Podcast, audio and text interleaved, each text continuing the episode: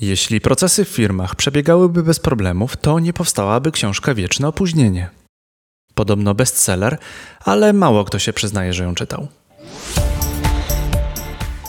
Escola Mobile. Biznes masz w kieszeni.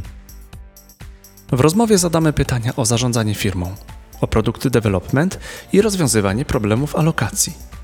A mówiąc po ludzku, jak to się dzieje, że czasem znikąd pojawia się ławeczka? Albo nie każdy jest świadom, że pracownicy nie mają projektów. I z drugiej strony, czy można przewidzieć pik projektowy? I czy jest coś, co pozwala zastąpić ulubione narzędzie projektowe całego świata, czyli Jira, powodujące wiele nieprzespanych nocy, niekiedy niecenzuralnych wypowiedzi i bardzo często ból serca przy opłacaniu rachunku miesięcznego? Nasz gość tworzy rozwiązania ułatwiające procesy w każdym workflow. Jeśli Twoja firma ma dobrze zorganizowane procesy, zapraszamy do podcastu. Opowiedz nam, jak to u Ciebie działa. A jeśli wciąż czujesz, że procesy w Twoim przedsiębiorstwie nie są idealne, zostań z nami. Dowiesz się, jak to naprawić. Wersję wideo tej rozmowy i artykuł naszego gościa, dlaczego startupy okłamują inwestorów, a inwestorzy proszą, by ich okłamywać, znajdziesz na naszej stronie escola.pl w zakładce podcast. Miłego słuchania. Dzień dobry, dzień dobry. To jest Escola Mobile Live. Mam nadzieję, że wszyscy skorzystali z cyfrowego dobrostanu i zaglądaliście rzadko w swoje e, telefony po to, żeby zajrzeć e, właśnie teraz na rozmowę ze Zbyszkiem Wantułą z firmy Primetric. Do niedawna jeszcze Grenade Hub. E, no właśnie, Zbyszku, powiedz, skąd taka zmiana nazwy? Cześć, cześć wszystkim. Dzięki za zaproszenie. No tak, Granite Hub nie kojarzy się z tym, co robimy. Mało tego, byliśmy przez niektóre strony y, blokowani jako potencjalnie niebezpieczne i sprzedające broń, więc trzeba było szybko poszukać e, czegoś e, bardziej pasującego do naszej działalności. I w tym momencie, jak powiedziałeś to słowo, to zobaczyłem, że ilość live'ów spadła nam do zera, więc drogi Marku Zuckerbergu, my rozmawiamy tutaj i bardzo Cię lubimy. YouTubie bardzo Cię lubimy e, i cieszę się, że z nami jesteście. Słuchaj, powiedz mi, mm, powiedz mi skąd w ogóle pomysł na Primerica? Nie wiem jak to wymawiać, Primetrica, Primetrica. E, skąd się wziął pomysł? Znaczy, pomysł e, kiełkował w, naszej głowie już od dłuższego czasu. W ogóle historia też jest taka, że moją pierwszą e, firmą, którą założyliśmy jeszcze na studiach z moimi kolegami, e, była firma, którą dzisiaj byśmy nazwali Software House'em. Tworzyliśmy takie aplikacje e, multimedialne na potrzeby muzeów, marketingu. Mm, no i my kończyliśmy informatykę i wiedzę o zarządzaniu firmą nie mieliśmy mm, żadnej, więc jak gdyby uczyliśmy się wszystkiego e, na gorąco. Mm, no i problem był właśnie taki, że tutaj tą wiedzę o tym, e, gdzie jesteśmy z, e, z naszą firmą, braliśmy z danych księgowych, które no z racji powiedzmy różnych optymalizacji podatkowych nie zawsze pokazywały nam prawdę. I szczerze, powiedziawszy, nigdy nie wiedzieliśmy, które projekty są u nas rentowne, na których zarabiamy, na których już e, tracimy. To były jeszcze czasy, zanim się, zanim były modne projekty Time Materials, więc wszystko też było robione na fixach. No i problem był taki, że parę dużych fixów, które zrobiliśmy, parę inwestycji, które e, chcieliśmy też zrobić odnośnie produktów, zaważyły finalnie na tym, że e, firma, która fajnie nam rosła e, od 0 do 70 mm, osób, mm, z dnia na dzień musieliśmy ogłosić jej bankructwo, no bo mm, no, nie dopilnowaliśmy tutaj wszystkich, wszystkich aspektów takich zarządczych pod kątem kontrolingu finansowego. Nie? Więc to była taka duża i bolesna dla nas wszystkich lekcja. Później po tym mieliśmy jeszcze parę innych e, epizodów związanych z e, usługami. No i bardzo nam się marzył produkt. E, I tutaj postanowiliśmy z moim wspólnikiem, że jakieś zaoszczędzone pieniądze zainwestujemy w startupy. Mm, ale nie, że poszukamy jakiegoś startupu, w który zainwestujemy, tylko że sami zrobimy. Jeszcze nie mieliśmy do końca pomysłu na to, co w ogóle będziemy robili. Pomyśleliśmy, że stworzymy właśnie taki, e, może jakąś taką wylęgarnię startupów, nie? I taki to się e, skojarzyło z takim owocem granatu i dlatego właśnie taki Granate Hub, nie? Stąd ta, stąd ta nazwa. Więc najpierw to, co zrobiliśmy, to e, stworzyliśmy proces, którym będziemy sobie e, sprawdzali pomysły e, biznesowe, czy one e, mają potencjał, czy nie mają, jak w ogóle teraz decydować o tym, czy idziemy z danym pomysłem dalej. I dopiero później na tapetę wzięliśmy kilkanaście różnych projektów i jednym z nich nie był wcale obecny Primetric, tylko był taki e, pomysł na wymianę ławeczki pomiędzy e, firmami. To bardziej chodziło o to, że my będziemy zbierać informacje o tym, kto ma dostępnych programistów, a później szukali firm, którzy potrzebują tych programistów. Więc to było. Czyli, że wy będziecie oferować klientów e, z ławki, tak? Miałem, miałem też taki pomysł. Tak, pośred, pośredniczyć tym wszystkim.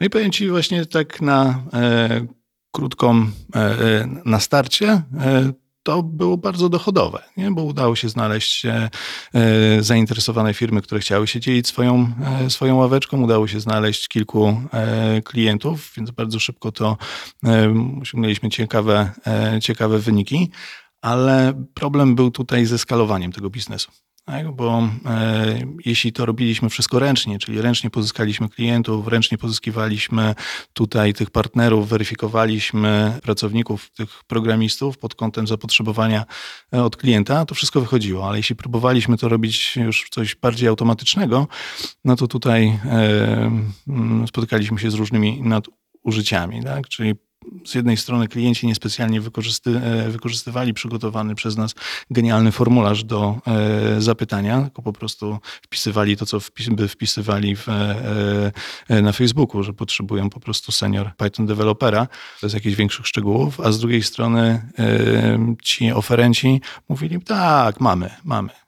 I później dopiero jak się ci goście spotykali ze sobą, wychodziło, że jednak ci potrzebują Pythona, ale w takich konkretnych tutaj frameworkach, e, a ci, ten gość wcale taki nie jest seniorem, może bardziej midem, e, tak i gdyby wszystko się tutaj o to, e, o to rozbijało. Więc, ale w tym momencie też pojawił się, jak przedstawialiśmy w ogóle ten, ten, ten, ten temat, pokazywaliśmy, proszę bardzo, tutaj zobaczysz, jakich masz dostępnych ludzi w firmie, firmie zewnętrznej, kogo byś mógł właśnie tutaj wziąć do, do projektu, to często pojawiały się głosy, kurczę, jak ja bym chciał mieć taką widoczność wśród swoich ludzi. Tak, kto jest tutaj dostępny, kogo mógłbym tutaj wrzucić do projektu. Mamy y, trzech, trzy osoby, które się tym de facto u nas w pełni zajmują. Oni nie mogą pojechać na, na urlop, bo później żaden projekt się nie zawiąże, nie? bo tylko oni wiedzą, kto tutaj jest dostępny, kto może z kim pracować, kto ma jakie umiejętności i tak dalej. Więc to nam jak gdyby tutaj nakierowało nas w stronę tego, że może warto zrobić takie rozwiązanie dla mm, e, mm, po prostu dla firm, żeby mogły zarządzać swoimi własnymi pracownikami. Mhm. Zbyszku, jak mówisz tą historię, że daliście e, narzędzie, które oferowaliście zewnętrznie tak, dla innych klientów, ale oni chcieli je sami z niego korzystać, to mi się przypomina historia Slacka, gdzie oni z kolei korzystali wewnętrznie i inne firmy, które jakoś się dotknęły z tym narzędziem, stwierdziły, że to by było świetne narzędzie. Czyli jakby zdarza się w dwie strony. Czasem narzędzie wewnętrzne staje się zewnętrznym, a u Was było narzędzie, które w sumie oferowaliście dla klientów, oni chcieli je uczynić swoim wewnętrznym de facto, tak? Tak, no i w sumie sami poinformowali nas o swoich problemach i dzięki temu e, właśnie zaczęliśmy budować narzędzia, które tym firmom wewnętrznie mają pomagać do tego, żeby odpowiednio zarządzać swoimi firmami. No I tak powstał obecny Primetric.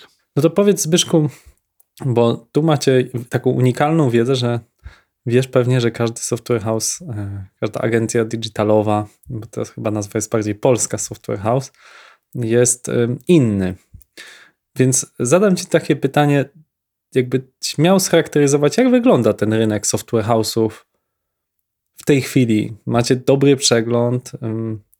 Czym one się charakteryzują i e, na czym tak naprawdę zarabiają? Bo są różne modele, tak? Niektórzy bardziej robią jakieś integracje, inni robią e, takie typowe custom software development. Jeszcze inni zajmują się de facto takim dużym body leasingiem, czy też team extension. Wśród profilu waszych klientów, co dominuje? Jaki, jakie podejście? Jeśli chodzi o polskich klientów, to tutaj tak obserwujemy, że najwięcej jest firm, które jednak e, działają w takim modelu e, blisko body leasingowym. Tak? Taki team augmentation, body, e, body leasing. Są oczywiście też firmy, które realizują projekty, ale często właśnie łączą te projekty z jakimiś projektami takimi czysto body leasingowymi. Nawet temat ławeczki, nie? on jest po prostu body leasingowy, nie? więc e, e, każda firma, która też w ten sposób działa, ma też tego typu projekty. Natomiast e, za granicą, to tak jak mówisz, mm, nie ma software house'ów, są bardziej agencje, są firmy konsultingowe, które de facto robią projekty IT różnego rodzaju, czy to wdrożenia, czy tworzą dedykowany, dedykowany soft. No i tam e, mocniej widać takie podejście po prostu projektowe. Tutaj jednak właśnie więcej, więcej takich prostych usług na zasadzie wynajmuje de facto tobie osobę, ale ty już sam nim zarządzasz. I to są też jedne e, z większych firm w Polsce. E, które właśnie tego typu usługi robią. To są właśnie firmy, które są w stanie dość szybko rosnąć. Tak? Tutaj e, mówimy o firmach, które w tym momencie mm, są ponad 500 osobowe, 700 osobowe.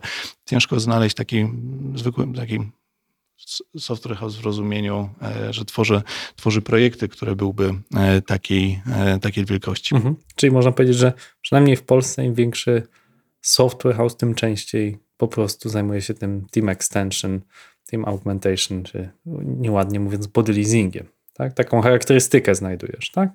Trochę, trochę, tak, nie? No i to też jest moim zdaniem trochę problem tego polskiego e, rynku, nie? Bo wszyscy tutaj mówimy o tym, że no, każdy chciałby zwiększać rentowność firmy, a najprostszym sposobem na zwiększenie rentowności jest zwiększenie przychodu. A tutaj przy takim teoretycznie prostej usłudze ciężko jest zwiększyć e, przychód, no bo klient, który bierze od nas e, tych specjalistów, e, ma różne alternatywy. Może sam ich zatrudnić, może znaleźć tutaj firmę, która dostarczy tego typu ludzi taniej, albo w, w takim ekstremalnym przypadku po prostu zapłaci karę, dogada się z e, ludźmi, którzy e, tam pracują i wyciągnie ich do siebie, bo e, będzie miał dość takiego ciągłego tutaj podwyższania tych, tych cen. No to ciekawe, co mówisz, czyli że może się przeobrazić na skutek tej silnej inflacji, która w Polsce spodziewam się jest, jest wyższa niż na zachodzie, inflacji płacowej. Może ten rynek się troszeczkę przerodzić, być może właśnie w bardziej innowacyjny, być może właśnie taki bardziej, który kreuje swoje produkty i już są takie przykłady, tak? Dark Hill Capital, Catch the Tornado, który tam wypączkował z Divante, e, Tender Hat czy, czy Escola, które próbują gdzieś znajdywać tą swoją marżę, ale to nie są jedyne, jest bardzo dużo tych firm, które próbują zrobić swoje swoje produkty, tylko nie każdemu wychodzi. No tak, no to jest właśnie, wiesz, jest, jedna rzecz to są produkty, ale druga rzecz to jest też bardziej e, zaawansowane projekty. Mówi się o tym, że mam projekty, które realizowane są przez takie profesjonalne firmy, można podzielić na trzy kategorie. Nie? Czyli pierwsza to jest taki projekty kategorii brain, nie? czyli mm, są bardzo wymagające. Potrzebne są goście, którzy są mm, mocni w danej, w danej dziedzinie, bo problem jest nietypowy i rozwiązanie też wymaga jakiegoś nietypowego e, podejścia. No i tutaj takie firmy właśnie wyszukuje się i takie firmy zatrudnia się, bo są smart. Nie? Bo faktycznie mogą rozwiązać tutaj nam ten nietypowe i ciężkie, ciężkie zagadnienie. E, drugi rodzaj e, projektów to są takie projekty grey hair. Nie? Czyli chodzi o to, że mamy jakieś doświadczenie w realizowaniu konkretnych e, zadań, konkretnych typów e, projektów. Nie? I wtedy e, klient nas wybiera, bo my mamy w tym doświadczenie. Nie? Wiemy, jak tego typu rzeczy robić. Zrobiliśmy już ich dziesiątki, setki, więc pewnie w jego przypadku też sobie dobrze poradzimy. No i są takie projekty procedural, takie, które no, nie wymagają może jakichś bardzo dużych tutaj umiejętności po naszej, po naszej stronie.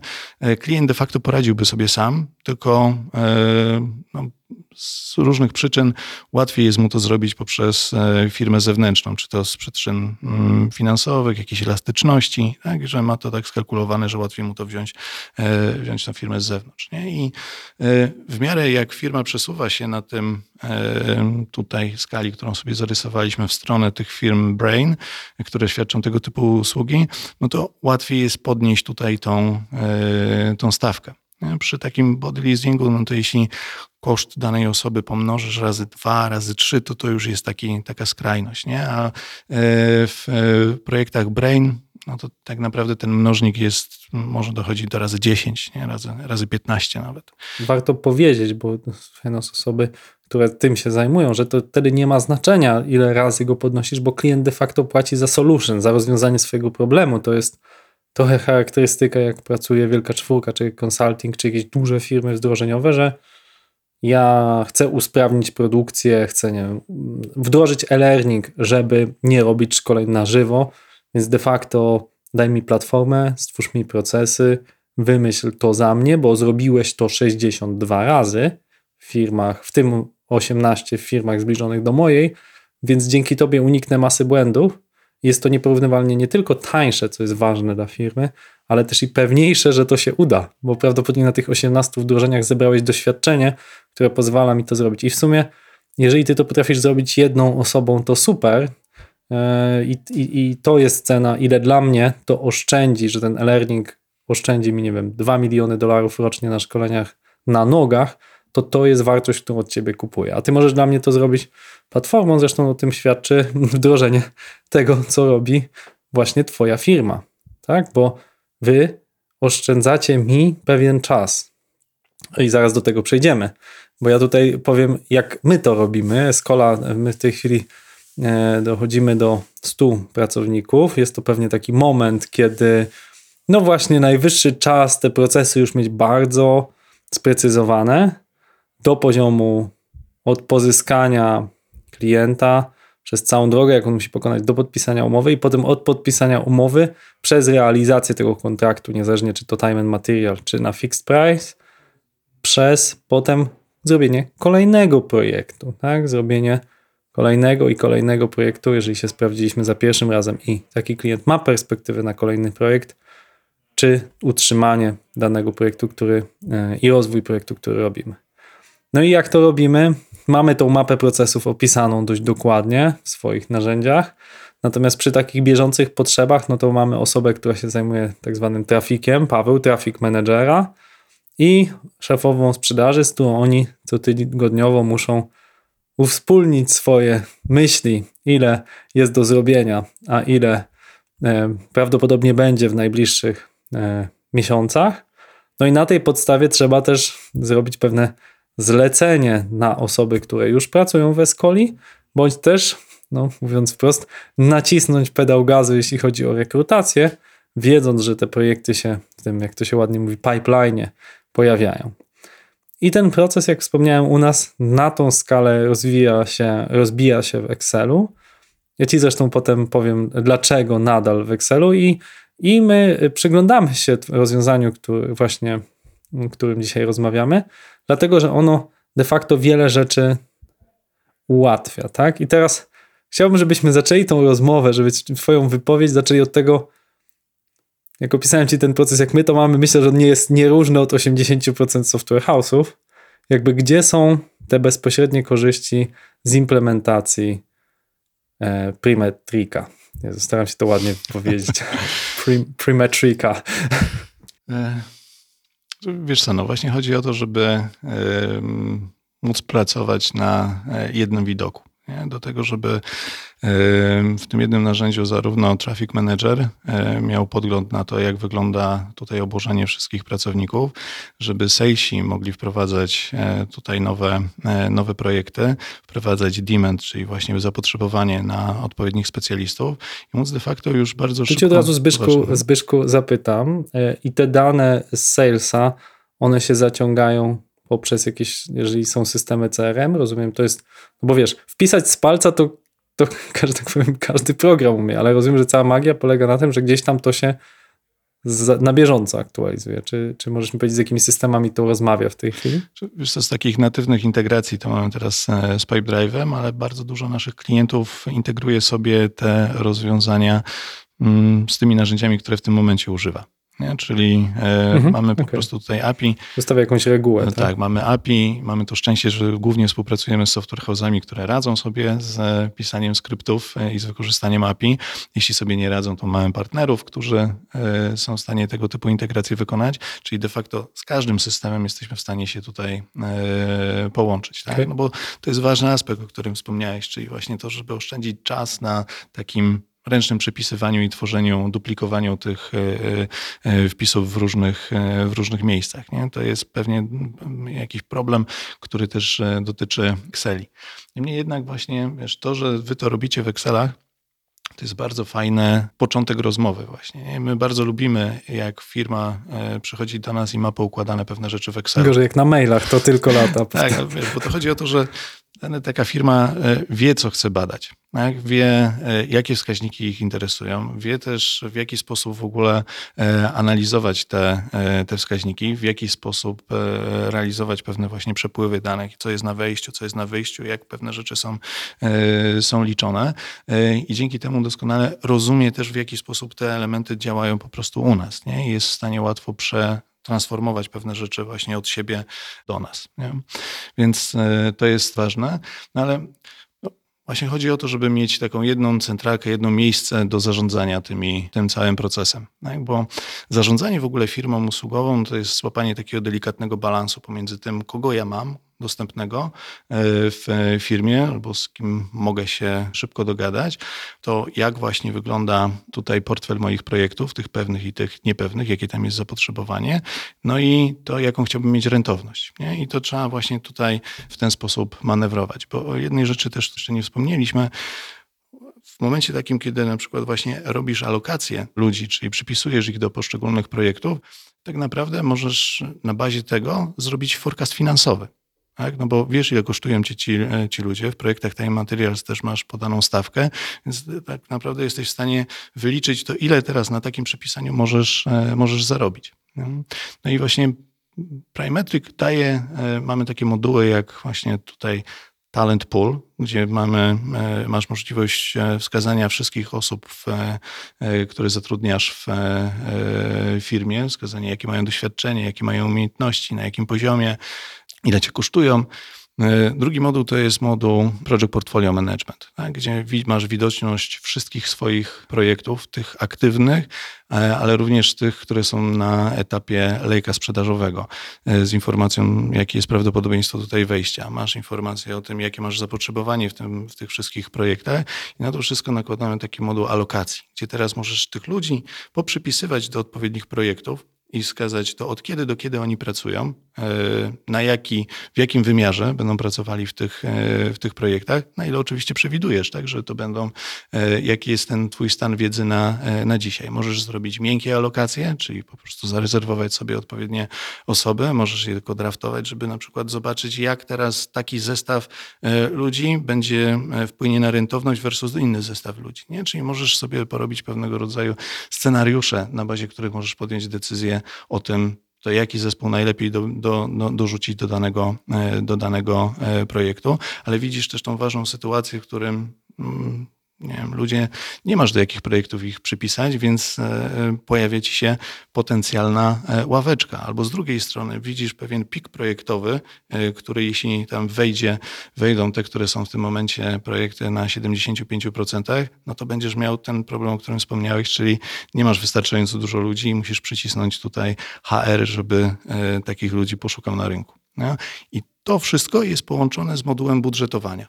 Znamy koszty, znamy przychody i jesteśmy w stanie też teraz zobaczyć, jak w, e, w przyszłości mogą się e, kształtować moje, e, moje finanse, jak może się kształtować tutaj moja, moja rentowność, No a później na bazie mechanizmów związanych z logowaniem czasu pracy porównujemy teraz te nasze plany do rzeczywistości i możemy je modyfikować też na bieżąco. Nie? Tak w dużym skrócie to Primetric.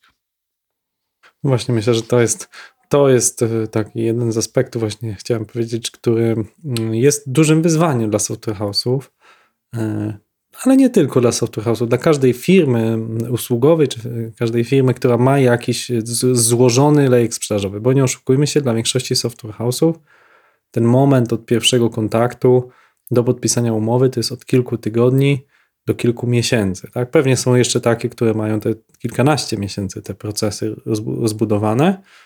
E, I, no i to czasami się zmienia na każdym etapie. Klient może zniknąć, albo klient może się zatrzymać. Tak? Mieliśmy choćby okres tej początkowej pandemii. Nagle wszystkie procesy się zatrzymały, a potem po prostu e, wyleciały niczym z worka i trzeba było wszystkie naraz obsłużyć. No to taki, teraz mamy podobny case z wojną, tak? Na chwilę świat wstrzymał się, co to będzie, co to będzie. Okazało się, że no, nie ma bezpośredniego zagrożenia dla większości krajów, więc znowu trzeba działać. Co więcej, część tych centrów, które znajdowały się w Rosji, która też jest bardzo silna pod kątem developmentu, zostały, czy zostają przeniesione, tak? Co jeszcze bardziej zwiększa tą presję na dostarczanie usług informatycznych. No i teraz pytanie, czy na to masz jakiś sposób? Bo to jest takie pytanie, które u mnie pozostaje zupełnie bez odpowiedzi, tak? Ta, ta zmienność. Wiesz co, jest taka zmienność naturalna, o której mówimy, że po prostu klienci przychodzą i odchodzą, więc e, kwestia jest działania na prawdopodobieństwie.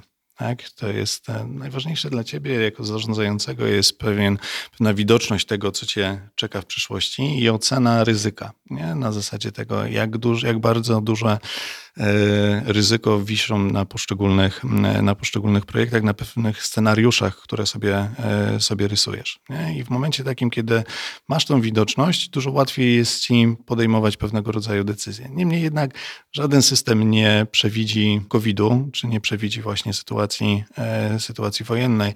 Takie rzeczy się po prostu zdarzają, więc no, na, to jakiegoś, na to jakiegoś systemowego lekarstwa nie mam pociągnijmy wątek. Załóżmy, że Skola w którym momencie decyduje się przynieść te swoje Excele, tak, które u nas też są współdzielone, no bo to są Excele Google'owe, do narzędzia. Jak taki proces e, odbywa się krok po kroku? Bo pewnie słucha nas bardzo dużo Twoich potencjalnych klientów. Wiem, że teraz macie ich więcej za granicą, ale, ale jednak w Polsce też macie rozpoznawalny brand i macie sporo klientów.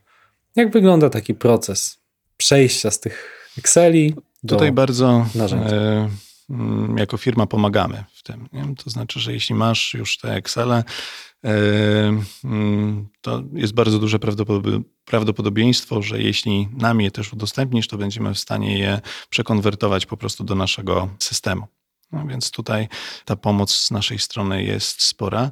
Jeśli nie wszystkie aspekty masz jednak w tych Excelach po, e, porobione, e, to dajemy ci też e, taki, dajemy ci też Excela, żebyś mógł uzupełnić pewne elementy, które ci brakują, żebyśmy później mogli łatwiej przenieść je do naszego systemu. Nie? Więc jak gdyby tutaj to się, dzielimy się trochę tą pracą.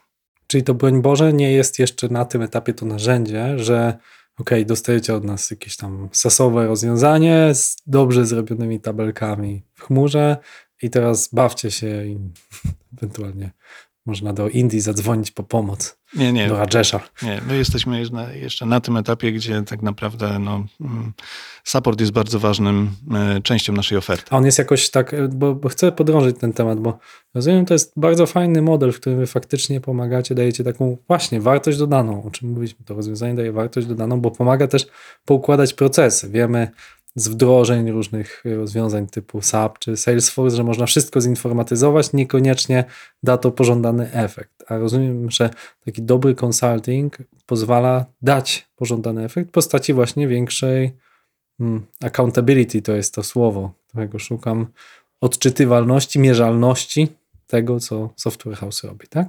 Tak, dokładnie. No to jest u nas to jest tak, że każdy z naszych klientów dostaje e, tutaj e, wsparcie, w zależności od tego też, jak jest duży, no to tam jest od kilku godzin do kilkunastu, czasami nawet do kilkudziesięciu godzin takiego wsparcia, gdzie e, na starcie właśnie pomagamy identyfikować, jakie use cases są istotne dla tych naszych klientów. Mamy taką tabelkę z use case'ami, gdzie klienci zaznaczają, tak, to jest dla mnie ważne, tak, te rzeczy są dla mnie ważne, takich będę miał userów i oni takie rzeczy chcą robić. Nie? Więc staramy się też zidentyfikować i zrozumieć, jak wygląda teraz struktura danych e, w danej firmie, nie? czyli właśnie jak tutaj um, struktura ludzi, struktura, e, struktura projektów, tak? czy właśnie jak teraz to prze przerzucić do naszego systemu, żeby to było jak, naj, jak najprostsze. I później pokazujemy już na waszych danych, w jaki sposób te use cases, które były zaznaczone, można realizować. Okej, okay, bardzo fajnie, ale rozumiem, że ten system też musi być troszeczkę modułowy, bo jednak inne trochę potrzeby ma. Software House 20-osobowy robi tylko projekty fixed price, inny e, wielki konglomerat tysiącosobowy robiący głównie team augmentation, ale z jakimś tam długim ogonem e, konsultingu, nie wiem, UX designu i takich różnych usług pobocznych, tak? Tak, i dużo rzeczy jest konfigurowalnych u nas w systemie. To znaczy, że jeśli na etapie poznawania ciebie my teraz wiemy, że ty realizujesz tego typu projekty, w ogóle nie wiem, nie interesuje cię jakiś konkretny moduł, nie interesują cię jakieś konkretne widoki, to my je wyłączamy. I mhm. pokazujemy. Nie widzę ich. Nie, nie widzisz ich i pokazujemy już ci to e, no, po prostu na twoich, na, na, na twoich danych, na twoich, e, na twoich use case'ach. Ja bym bardziej chciał zapytać właśnie o to zarządzanie Jakie wskaźniki w ogóle bierzecie pod uwagę, takie najważniejsze, które, które interesują klienta? To my w ogóle wychodzimy od tego, że tak naprawdę no, klient sam nam musi powiedzieć, jakie wskaźniki są dla niego istotne i w jaki sposób on je też liczy i bada. My mamy możliwości konfigurowania pewnych wskaźników właśnie u nas, u nas w systemie, bo ważne jest to, żeby e, klient to on dobrze zrozumiał, e, jak są liczone właśnie dane wskaźniki, żeby umiał je zanalizować, żeby umiał na bazie tego no, podejmować jakieś, e, jakieś Czyli rozumiem, że, że, przepraszam, że ci przerwę, to znaczy, że musi być pewna dojrzałość jednak w tym software house, bo ja pamiętam też, jak Escola miała 20 osób i niestety raz, że przy tej skali było ciężko coś owskaźnikować, bo była duża taka przypadkowość tych e, zapytań, też byliśmy w trakcie jakby takiego doprecyzowania naszej specjalności i na ile jakby w jakich obszarach my się najswobodniej poruszamy. Więc rozumiem, że oczekujecie, żeby dołączyć do tego mm, oprogramowania, jednak wiedzieć, tak, gdzie jest, e, przynajmniej, że wiem, czym jest marża, ile e, osób jest faktycznie zaalokowanych, a ile nie, e, jaka jest przewidywalność tego, taki forecasting, na ile jest odległy, bo to jest jeden z też poważnych problemów, tak, że firmy nieraz z miesiąca na miesiąc się dowiadują, że muszą dozatrudnić 10 osób i to nie zawsze jest łatwe, tak? I tak dalej, i tak dalej. Czyli oczekujecie, że mm, ja jako wasz klient będę miał swój pomysł, co już mnie boli, tak? Mhm. No to, jest to jest dla nas najłatwiejsze. Tak jak wspomniałem, bardzo lubimy klientów, którzy przychodzą do nas z Excelami nie? bo mają te rzeczy poukładane, wiedzą, co chcą liczyć, wiedzą, w jaki sposób u, nas działa, u nich działają te procesy.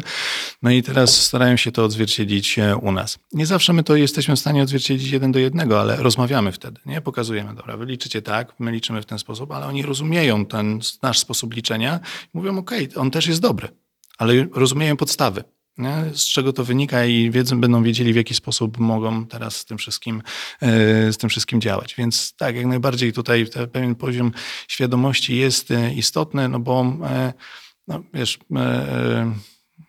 wdrażanie takiego narzędzia jak nasze nie rozwiązuje problemów w firmie. Nie? To jest tak naprawdę tą pracę u podstaw związaną z tym, żeby poukładać sobie procesy, trzeba wykonać. Tak, to, to, to wiele, wiele osób ma nadzieję, że system rozwiąże jakiś problem. Ja zresztą tu podzielę się swoim doświadczeniem, bo pamiętam, jak u nas zaczynało się e, takie dokładne dokumentowanie godzin. No, ponieważ e, e, nie wszyscy początkowo byli chętni ku temu twierdzili, że no, rozwiązałem problem, no to można się domyślić. Mm, I wymagało naprawdę wielu miesięcy takiej pracy nad kulturą organizacyjną, włącznie z zachęcaniem intensywnym w postaci wypłata faktury dopiero po zatwierdzeniu godzin, aby wszystkich do tego zachęcić. Kiedy już się przekroczy pewną masę krytyczną i większość osób wie, czemu to służy, bo to też jest ważne, żebyśmy my jako zarządzający firmą wytłumaczyli, że to zarządzanie godzin nie jest po to, żeby was kontrolować, tylko że my też dokonujemy pewnych rozliczeń z klientami lub sami ze sobą, jeśli budujemy jakieś rozwiązanie na stałej cenie, czy własny produkt, to możemy w ten sposób twierdzić, czy y, to się nam opłacało. Ja pamiętam ze dwa razy, jak wprowadziliśmy ten system mierzenia tych wskaźników, że wydawało nam się, że zrobiliśmy świetny projekt, ale absolutnie fajny, fascynujący, bo on dla nas był ciekawy i wydawało nam się, że, że sprawy szły gładko i że był duży zapas na marże, a okazało się, że niekoniecznie. Właśnie, nie? Dlatego tutaj ta kwestia zrozumienia dobrych wskaźników i tego, żeby wszyscy interesariusze rozumieli te wskaźniki tak samo jest tutaj bardzo istotna, nie? Bo tutaj te wskaźniki, nawet te najprostsze, można w różny sposób interpretować. Nawet będzie przykład, jak myśmy dostaliśmy finansowanie, e, no i nasza e, runda finansowa była podzielona, w sensie całe nasze finansowanie było podzielone na dwie rundy.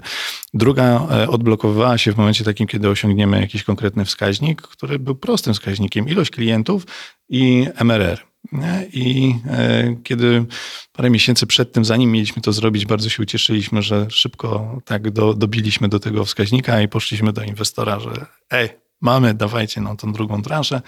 No to inwestor mówi, ale no wiecie co, tutaj jesteście SAS-em i w SAS-ie e, klient jest rozumiany jako ktoś, kto płaci więcej niż jeden miesiąc, czyli tak najlepiej trzy miesiące. Nie? I e, więc. E, Czyli znaczy, że został. tak, że został, że jest faktycznie Nie klientem, nie jakimś jednorazowym po prostu. E, Mhm. Tak i okej. Ale rozumiesz, cały nasz biznesplan, wszystkie układanie tych KPI w naszym rozumieniu było do tego, że my, okej, jak mamy już tego klienta, płaci nam, wystawiliśmy fakturę, pierwszy miesiąc już jest klientem, nie? I wszystko było tak ustawione, cały jak gdyby cashflow pod to, nie? Jeśli e, byśmy wiedzieli, że to w ten sposób będziemy rozumieli, to on by był trochę, wiesz, inaczej. Mogłoby Mhm. się... No to też No. ciekawe, że inwestor to doprecyzował dopiero na takim dalszym etapie, a nie, i powiedział trzy miesiące, a nie na przykład rok. No i, i wiesz, i to jest też takie... zgrzytu. Tak, i, i e, no, wiesz, to jest prosta, teoretycznie prosta sprawa, nie? Ale z drugiej strony masz na przykład też bardzo em, często mm, wykorzystywany wskaźnik w firmach usługowych, czyli utylizacja. Inni nazywają to chargeability, nie? To jest e, procent tych godzin który, za- e, bilowalnych, za które skasowałeś klienta, do godzin dostępnych. Nie? No i mm, ludzie tam porównują się tymi, e, tymi e, wynikami, a jak my patrzymy, e, jak właśnie firmy to liczą i jak chcą, żeby to było na przykład w Primetriku liczone, no to, to są mega duże różnice w tym podejściu w ogóle do tego, jak to liczyć. Bo mamy na przykład dostępność, nie? czyli ten nasz mianownik. Można przyjąć 8 godzin dziennie, że ktoś pracuje, a można przyjąć, że ktoś pracuje 7 godzin dziennie, no bo przecież musi zjeść e, obiad, ma te ustawowe e, przerwy, więc e, kiedy zatrudnia się na umowę o pracę, nawet tak ryzykowne jest logowanie 8 godzin do projektów, nie? No bo przecież musi mieć też ten Mhm, czas, na, tak. czas na przerwę, nie? Więc firmy robią sobie 7 godzin. No i te, jest różnica, czy w mianownik wstawiasz 40 czy 35. No. Zasadnicza. Tak, i kolejna rzecz to jest kwestia tego, czy e, wrzucasz e, urlopy, e, zmniejszają dostępność, czy, czy nie zmniejszają. Nie? I różne firmy różnie do tego podchodzą. Dlatego takie porównywalnie to musiałoby się odbyć na zasadzie takiej, że to zewnętrzna firma robi na bazie jakiegoś jednego ustandaryzowanego wskaźnika i wtedy można, można porównywać. Nie? A tak to jest to bardzo, bardzo ciężkie. Dlatego mówię, trzeba dobrze rozumieć to e, e, przede wszystkim właśnie e, no, wskaźniki mają nam mówić o tym, czy my idziemy w dobrym, w dobrym kierunku nie? jako firma, czy te cele Tak, strategiczne. Mhm.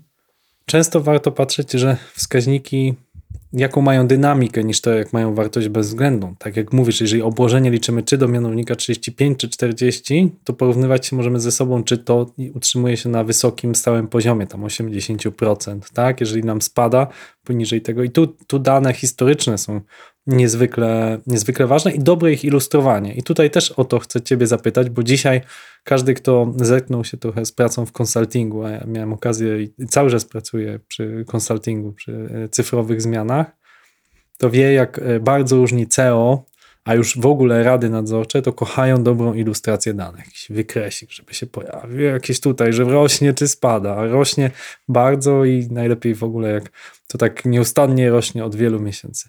Jak jest z tą ilustracją danych, czyli modnie nazywanym dzisiaj BI?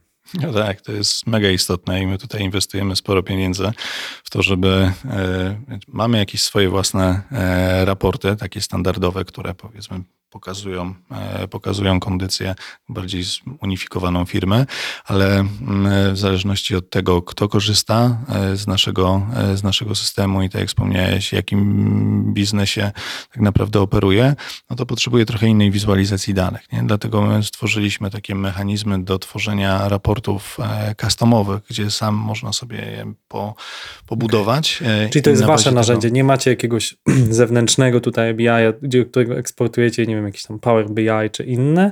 Rozumiem, to też pewnie klient może zrobić, jeśli zachce, ale tak to po prostu odklikuje, jakie dane cię interesują. No nie, marża, rentowność, chargeability, nie wiem, tam coś tam jeszcze i z tego coś ci się pokaże. tak, może to jest taki bardziej nawet zaawansowane, bo to jest taka tabela przestawna w ramach naszego, no mówimy, że firmy są nauczone Excela, nauczone tych mechanizmów, więc musieliśmy je jakoś tutaj też e, stworzyć. No i do, tego, do tych wszystkich tabeli masz możliwość zbudowania tego wykresu e, i wrzucenia go do dashboarda. Nie? I każdy menedżer Mhm. może mieć właśnie swój dashboard ze swoimi e, wykresami, które mu tak unaoczniają, gdzie, e, gdzie jest. No ale tak jak mówisz, czasami e, jeśli w firmie jest jeszcze, e, są jeszcze jakieś inne procesy, jakieś inne narzędzia, no to wtedy z naszego systemu wyciąga się dane z tego systemu, no i ładuje się do jakiegoś BI-a i takie, takie integracje też, też są wykonywane przez naszych klientów. Mhm, to porozmawiajmy o trudnym temacie, czyli Jira.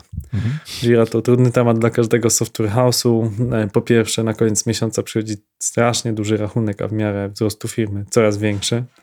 Drugi trudny temat, że to strasznie wolno działa. Niestety, ilość requestów, jakie tam wtedy się przetwarzają, jest niesamowite. Ja wielokrotnie sprawdzam, jak korzystam z Jiry, czy moje połączenie internetowe zerwało, bo tam się po prostu coś przetwarza, nie? W sumie to są przecież tylko tabelki, więc to, to jakby na swój sposób kogoś, kto ma do czynienia z IT zadziwia. No niemniej jest to dla nas taki trochę Microsoft Windows, czy właśnie pakiet Office, że po prostu jest to standardem, że tam jest ta Jira Tempo, gdzie mierzymy godziny, że tam są zlecane zadania, że tam jest Confluence, gdzie przechowujemy wiedzę. No i jak to wy z tą Jirą żyjecie? Na ile jesteście w stanie w sposób automatyczny czy półautomatyczny importować te dane, które my tam w strasznych ilościach dostarczamy? Mhm. No tak, Jira jest standardem. mm, Na tyle dużym standardem, że sami go w firmie używamy e, do zarządzania, e, do zarządzania projektami. Tak, czasami ma różne, e, różne lagi, no ale myślę właśnie przy tej skali te kwestie wydajnościowe, no oni tam pracują, przynajmniej tak przynajmniej mówią o tym, że e, rozwiązują te problemy na bieżąco. Niemniej jednak jest to standard na rynku nie? i my zdajemy sobie z tego sprawę, dlatego e, z Jirą jesteśmy bardzo mocno natywnie pointegrowani. Nie? Czyli właśnie te kwestie związane z, mm, z worklogami, które tam są wrzucane, czy to bezpośrednio na Jirze, czy przez taki dodatek jak e, Tempo, trafiają później do naszego systemu, gdzie właśnie można wtedy sobie porównać te nasze przewidywania do faktycznego wykonania. Nie? I, i mm, pracowników e, nawet nie musi, pracownicy nawet nie muszą wiedzieć, że jest coś takiego jak Primetric, nie? bo to jest wtedy bardziej te, takie narzędzie zarządcze. Niemniej jednak, bo Jira, e, ona pojawia się w e, firmie usługowej jako jedno z pierwszych w ogóle narzędzi, nie? bo realizujemy projekty, niezależnie od tego, jak dużą mamy e, skalę, no to chcemy te projekty realizować na odpowiednim poziomie. Jeśli mamy jakąś metodykę zarządzania tymi projektami, no to jest duża szansa, że jesteśmy w stanie ją odwzoro- odwzorować właśnie na, e, na Jirze. I e, z racji tego, że jest to też pierwsze te narzędzie, to też się od razu pojawia tam temat logowania czasu pracy właśnie na tej Jirze. Jednak logowanie czasu na Jirze czy przez Jira Tempo jest em, ograniczone do logowania do projektu. Tak? Czyli mówimy tutaj o logowaniu takim mm, projektowym, o tym, żeby później wskaźniki spalania można było pokazać, tak, żeby Tak, zobaczyć, tak, tam jaki trzeba to... stworzyć, u nas jest jakiś taki projekt typu właśnie samorozwój, czyli taki, no bo faktycznie musi być przypisany projekt, no więc jest projekt tam szkolenia. No tak, ale to wtedy wygląda jak bilowalne, tak, więc to rozumiem, że z waszej perspektywy i z mojej, tak, mamy akurat bardzo ważne jest dla nas, że co piątek faktycznie są te szkolenia, plus są konferencje, jakby te, bardzo na to stawiamy, no i potem trochę wychodzi, że czy ta godzina jest bilowalna, czy nie, to nie jest łatwe, teraz dopiero to zauważyłem, że to nie jest łatwe dla mnie do stwierdzenia, okej, okay, ktoś był na szkoleniu, ale to, to nie zarobił w tym czasie. No więc no, my już tutaj mamy mechanizmy do tego, w jaki sposób wiesz, tutaj e, łączyć ze sobą te projekty i u nas stwierdzać, czy one są właśnie bilowalne, czy, e, czy niebilowalne. E, Niemniej jednak właśnie tutaj masz też cały temat związany z, mm, bo w ogóle po co w firmie jest logowanie czasu pracy, nie? Czyli pierwsza rzecz, ten aspekt projektowy, żeby zobaczyć na przykład, jak moje estymacje na poszczególne taski mają się do faktycznego wykonania gdzie jestem w tym momencie z całym tym naszym, e, z tym naszym projektem.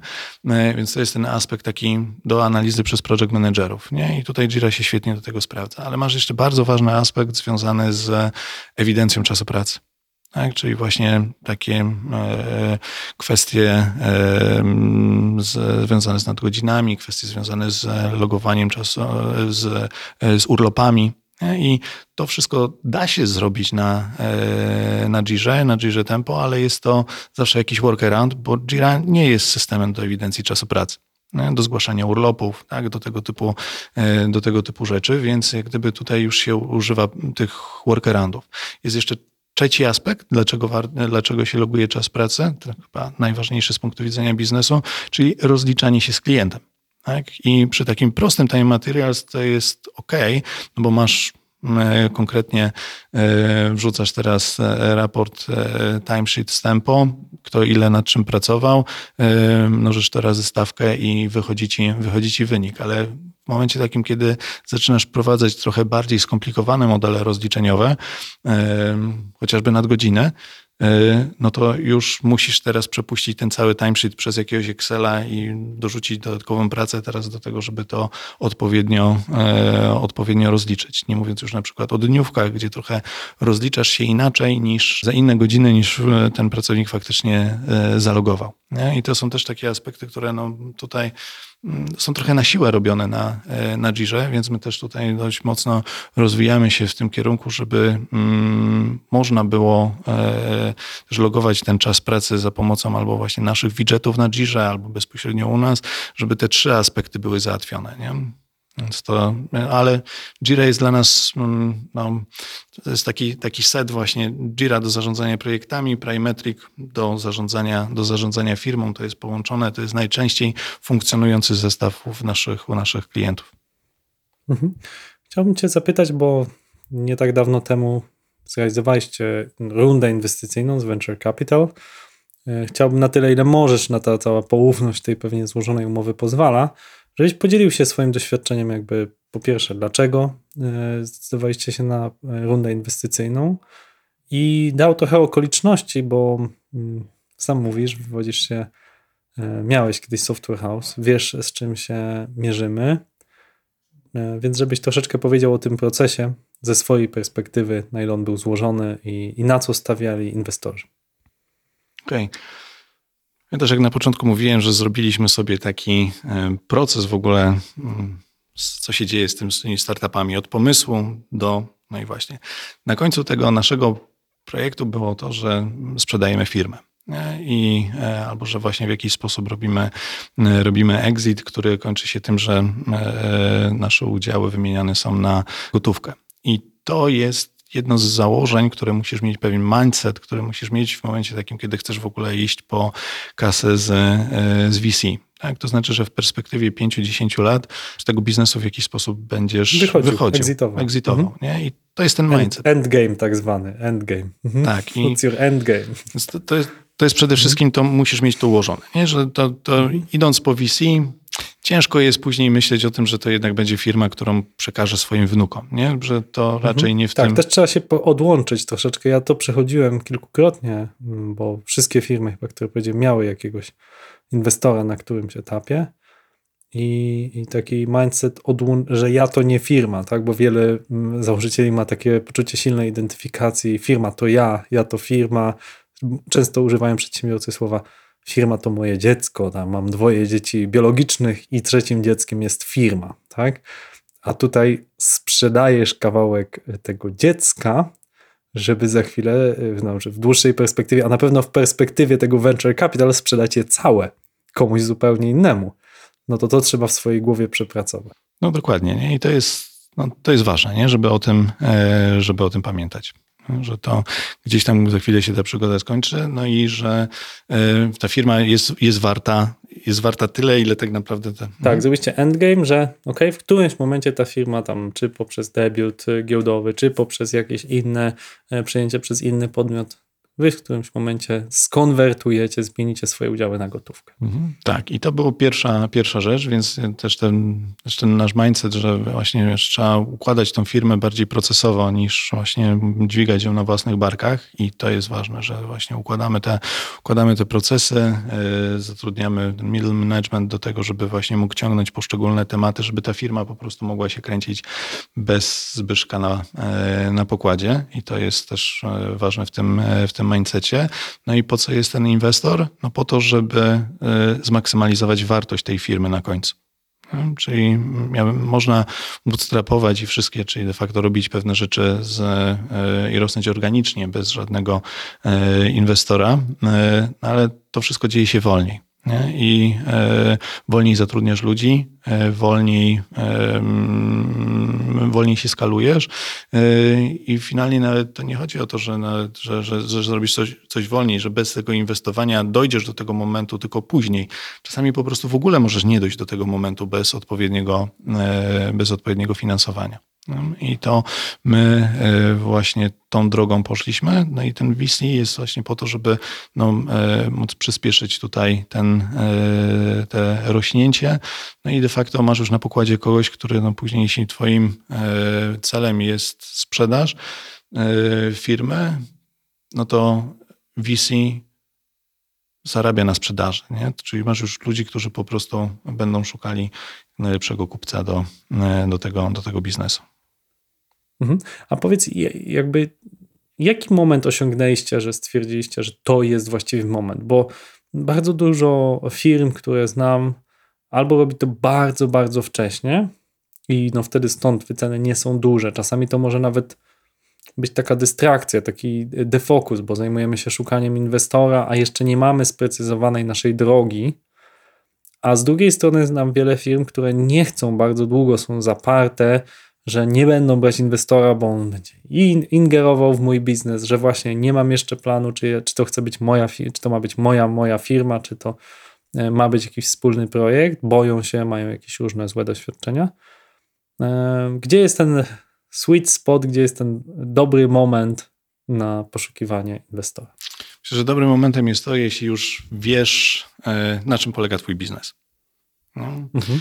Jeśli już wiesz, jak kto jest Twoim klientem, jak do niego dotrzeć.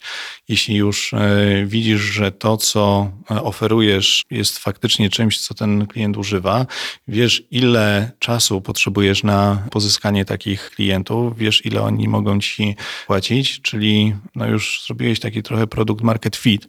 To jest dopiero moment, w którym tak naprawdę możesz z czystym sumieniem pójść po kasę do VC, bo podstawowym aspektem współpracy z, z VC jest budżet i, i, te, i biznesplan.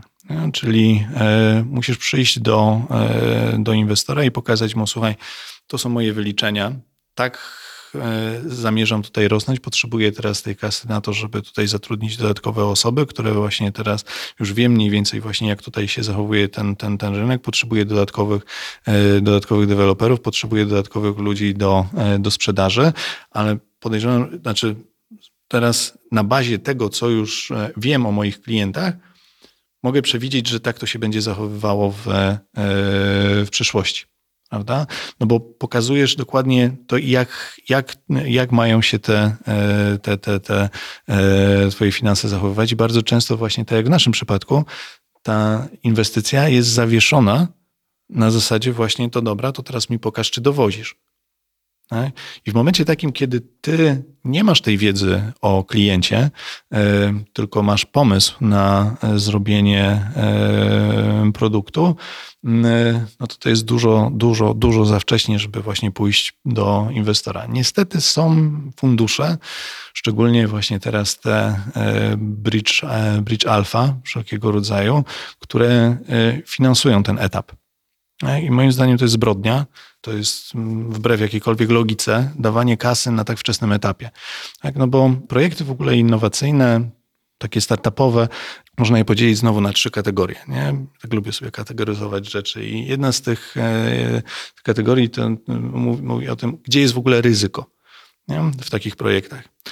E, I teraz może być to ryzyko po stronie produktu, tylko i wyłącznie po stronie produktu. To znaczy, nie wiadomo, czy da się zrobić ten produkt, ale jeśli go zrobisz, no to po prostu ustawią się kolejki i na pewno będziesz miał e, tutaj e, klientów na to, co, co robisz. Tak, jakiś wydajniejszy procesor, albo nie dron, który dwa razy dłużej lata na tej samej baterii dzięki oprogramowaniu. Jakieś tak, lekarstwo zrobisz na coś, i to i, To, dokładnie, tak, nie? bę- Będzie. Tak, Mhm. więc to się I to, można, I to można finansować w sumie, mimo że nic nie jest sprzedawane, to wiemy, że jeżeli już to wytworzymy, czy choćby te panele solarne teraz z perovskitów, czyli jak, jak to się uda, to będzie wielki sukces i to będzie globalny biznes. Dokładnie Mhm. tak, nie? I to można faktycznie, wiesz, ładować, ładować kasę, ale nie wiadomo, jest ryzyko po stronie produktu, nie wiadomo, czy to się w ogóle uda zrobić.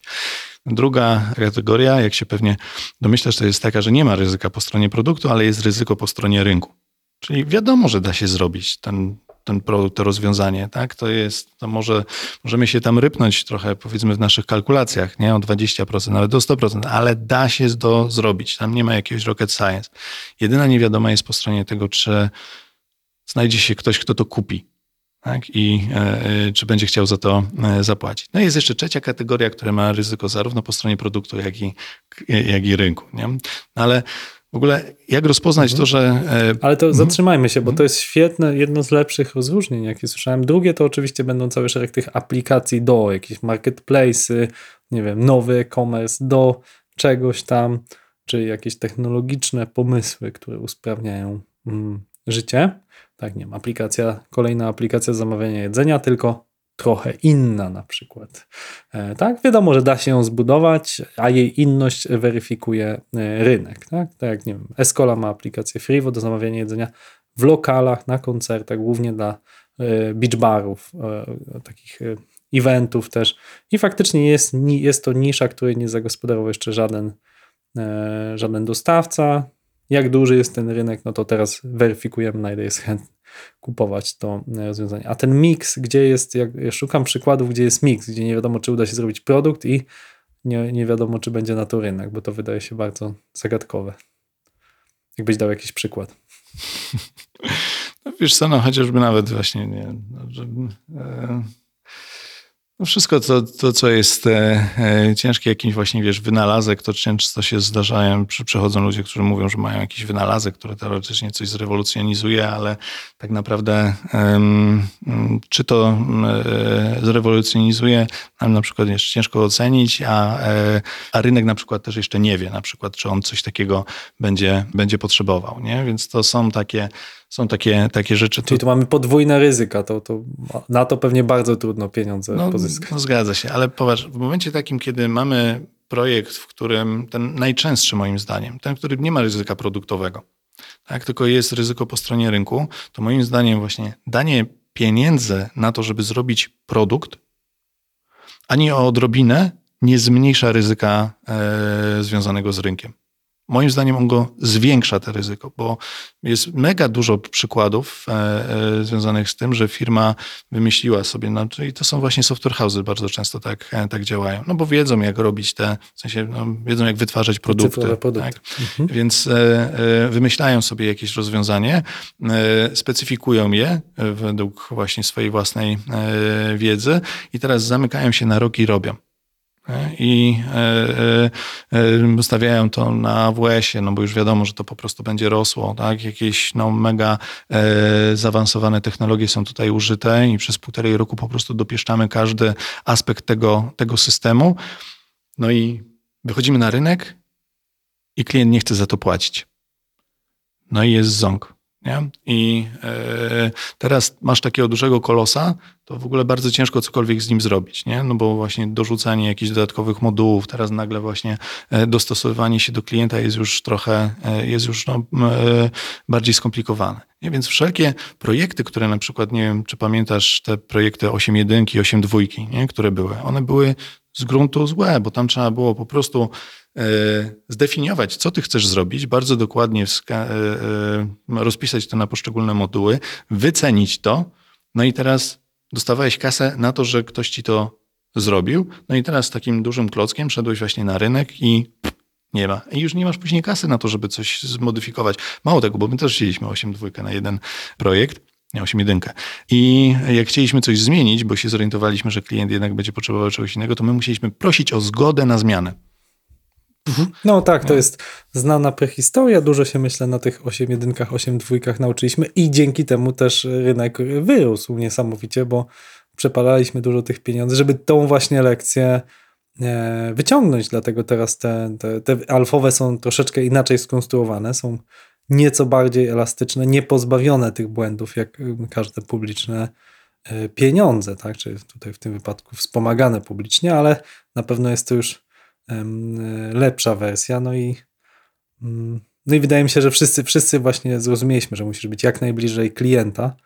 I tu jest też, jeżeli słuchają mnie jacyś klienci Escoli, czy potencjalni klienci, to bardzo dużo zgłasza się do mnie e, osób z pomysłem na aplikację. Pytam, jaki jest budżet, tam ktoś mówi, 300 tysięcy złotych jestem w stanie wyłożyć. Mówię, ok, no ale zbudowanie tej aplikacji będzie ci kosztowało właśnie te 300 tysięcy. A czy masz jeszcze budżet, żeby świat się dowiedział o twojej genialnej aplikacji? Bo inaczej zostaniesz ze zbudowaną aplikacją, która będzie świetna, powiesz o nim swoim znajomym, ogłosisz, że jest świetna aplikacja, ale może to być niewystarczająco, żeby ta aplikacja odniosła sukces. Więc musisz mieć jeszcze odłożoną drugą kubkę, żeby świat się dowiedział, że zbudowałeś zbudowałaś genialną aplikację. Tak? Bo jeżeli wszystko wydasz na zrobienie produktu, to może być za mało. No tak, ale właśnie wiesz, no po to też jest to podejście lean startupowe, że tak naprawdę możesz próbować sprzedawać rzeczy, których jeszcze, jeszcze nie masz. Nie? I musisz, e, e, dlatego tak ważne jest w ogóle w tym całym podejściu startupowym to, żeby e, była osoba, która jest niesamowicie zaangażowana w, w projekt, która bardzo dobrze jest w stanie teraz zrozumieć, czy jest tutaj biznes. Jej zadaniem nie jest konkretnie teraz sprzedawanie teraz tego rozwiązania i, i, i lecenie zgodnie z, z jakimś biznesplanem.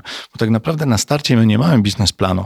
My mamy jakiś model biznesowy, tak? zrobiony na kanwasie, ale ten model biznesowy, tam są powpisywane tylko hipotezy. Do tego, kto jest naszym klientem, jaką on dostanie wartość z tego naszego e, rozwiązania, za ile my to będziemy sprzedawali, jakie będą tego koszty i tak dalej. To są tylko i wyłącznie hipotezy. I teraz rolą takiego gościa, który wchodzi e, i ma poprowadzić taki startup, jest zweryfikowanie tych wszystkich e, hipotez. Tak? I najlepiej, jeśli on to robi jeszcze bez produktu. Tak? Jest w stanie, na przykład, jeśli to ma taką wartość, to może znajdzie kogoś na starcie i przyjdzie z jakimś bardzo, bardzo mm, prostym jakimś rozwiązaniem, albo w ogóle pogada o takim rozwiązaniu. Słuchaj, może ja bym ci go zrobił, może byś mi go zapłacił za to, że ja ci to zrobię. Albo umówmy się, że ja będę to robił, teraz zapłacisz jakąś ułamek tego, co byś w przyszłości płacił, ale e, ja teraz będę wykonywał te rzeczy pod ciebie. Tak? W sensie, czy ty masz faktycznie problem? Jak ty sobie radzisz teraz z tym problemem? Tak? Czy ty będziesz gotowy mi zapłacić za rozwiązanie tego e, problemu? To są podstawowe rzeczy, które są dużo ważniejsze od tego, żeby niż to, że, że, że ja teraz przyjdę do ciebie już z takim e, gotowcem de facto i teraz będę ci go próbował sprzedać. Nie są rzeczy, które należy wykonać wcześniej jeszcze w ogóle bez, e, bez produktu. Nie? I to jest bardzo ważne, bardzo ważne, żeby o tym, o tym pamiętać. Pięknie, no to rozmowa urodziła nam się na dwie lekcje. Pierwsza to jak optymalizować procesy w software house'ach, jak nimi zarządzać, jak lepiej rozumieć to, czym jest firma usługowa oraz drugą część, e, krótszą, na temat tego, jak właśnie skutecznie wziąć finansowanie, jak dzięki temu skalować biznes i pokonać pewne kroki, które by się robiło z własnego finansowania za pomocą klientów po prostu szybciej. E, A moim gościem był Zbyszek Pantuła. Bardzo Ci dziękuję, Zbyszku, z firmy Primetric. E, I zachęcamy oczywiście do, do testowania e, tego rozwiązania. Ja myślę, że prędzej czy później też się znajdę w gronie e, Twoich klientów. Dzięki, Zbyszku. Dzięki wielkie. Escola Mobile.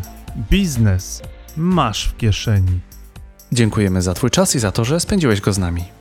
Na naszej stronie escola.pl w zakładce podcast znajdziesz wersję wideo tej rozmowy i link do artykułu Zbigniewa. Dlaczego startupy okłamują inwestorów, a inwestorzy proszą, aby ich okłamywać. A jeśli chcesz się dowiedzieć więcej o Primetric, na naszym blogu znajdziesz również link do profilu Zbigniewa na LinkedInie. Jeśli używasz ekosystemu Apple albo Spotify, daj nam 5 gwiazdek i fajną opinię. Im więcej pozytywnych opinii, tym bardziej kocha nas algorytm i tym częściej proponuje nasz podcast innym osobom, które na przykład jeszcze nie zasubskrybowały podcastu. Dzięki Twoim gwiazdkom i opiniom dzielimy się wiedzą bardziej efektywnie. To był 115 odcinek podcastu Escola Mobile. Gościliśmy Zbigniewa Wantułę z Primetric. Rozmawialiśmy o zarządzaniu projektami. Do usłyszenia.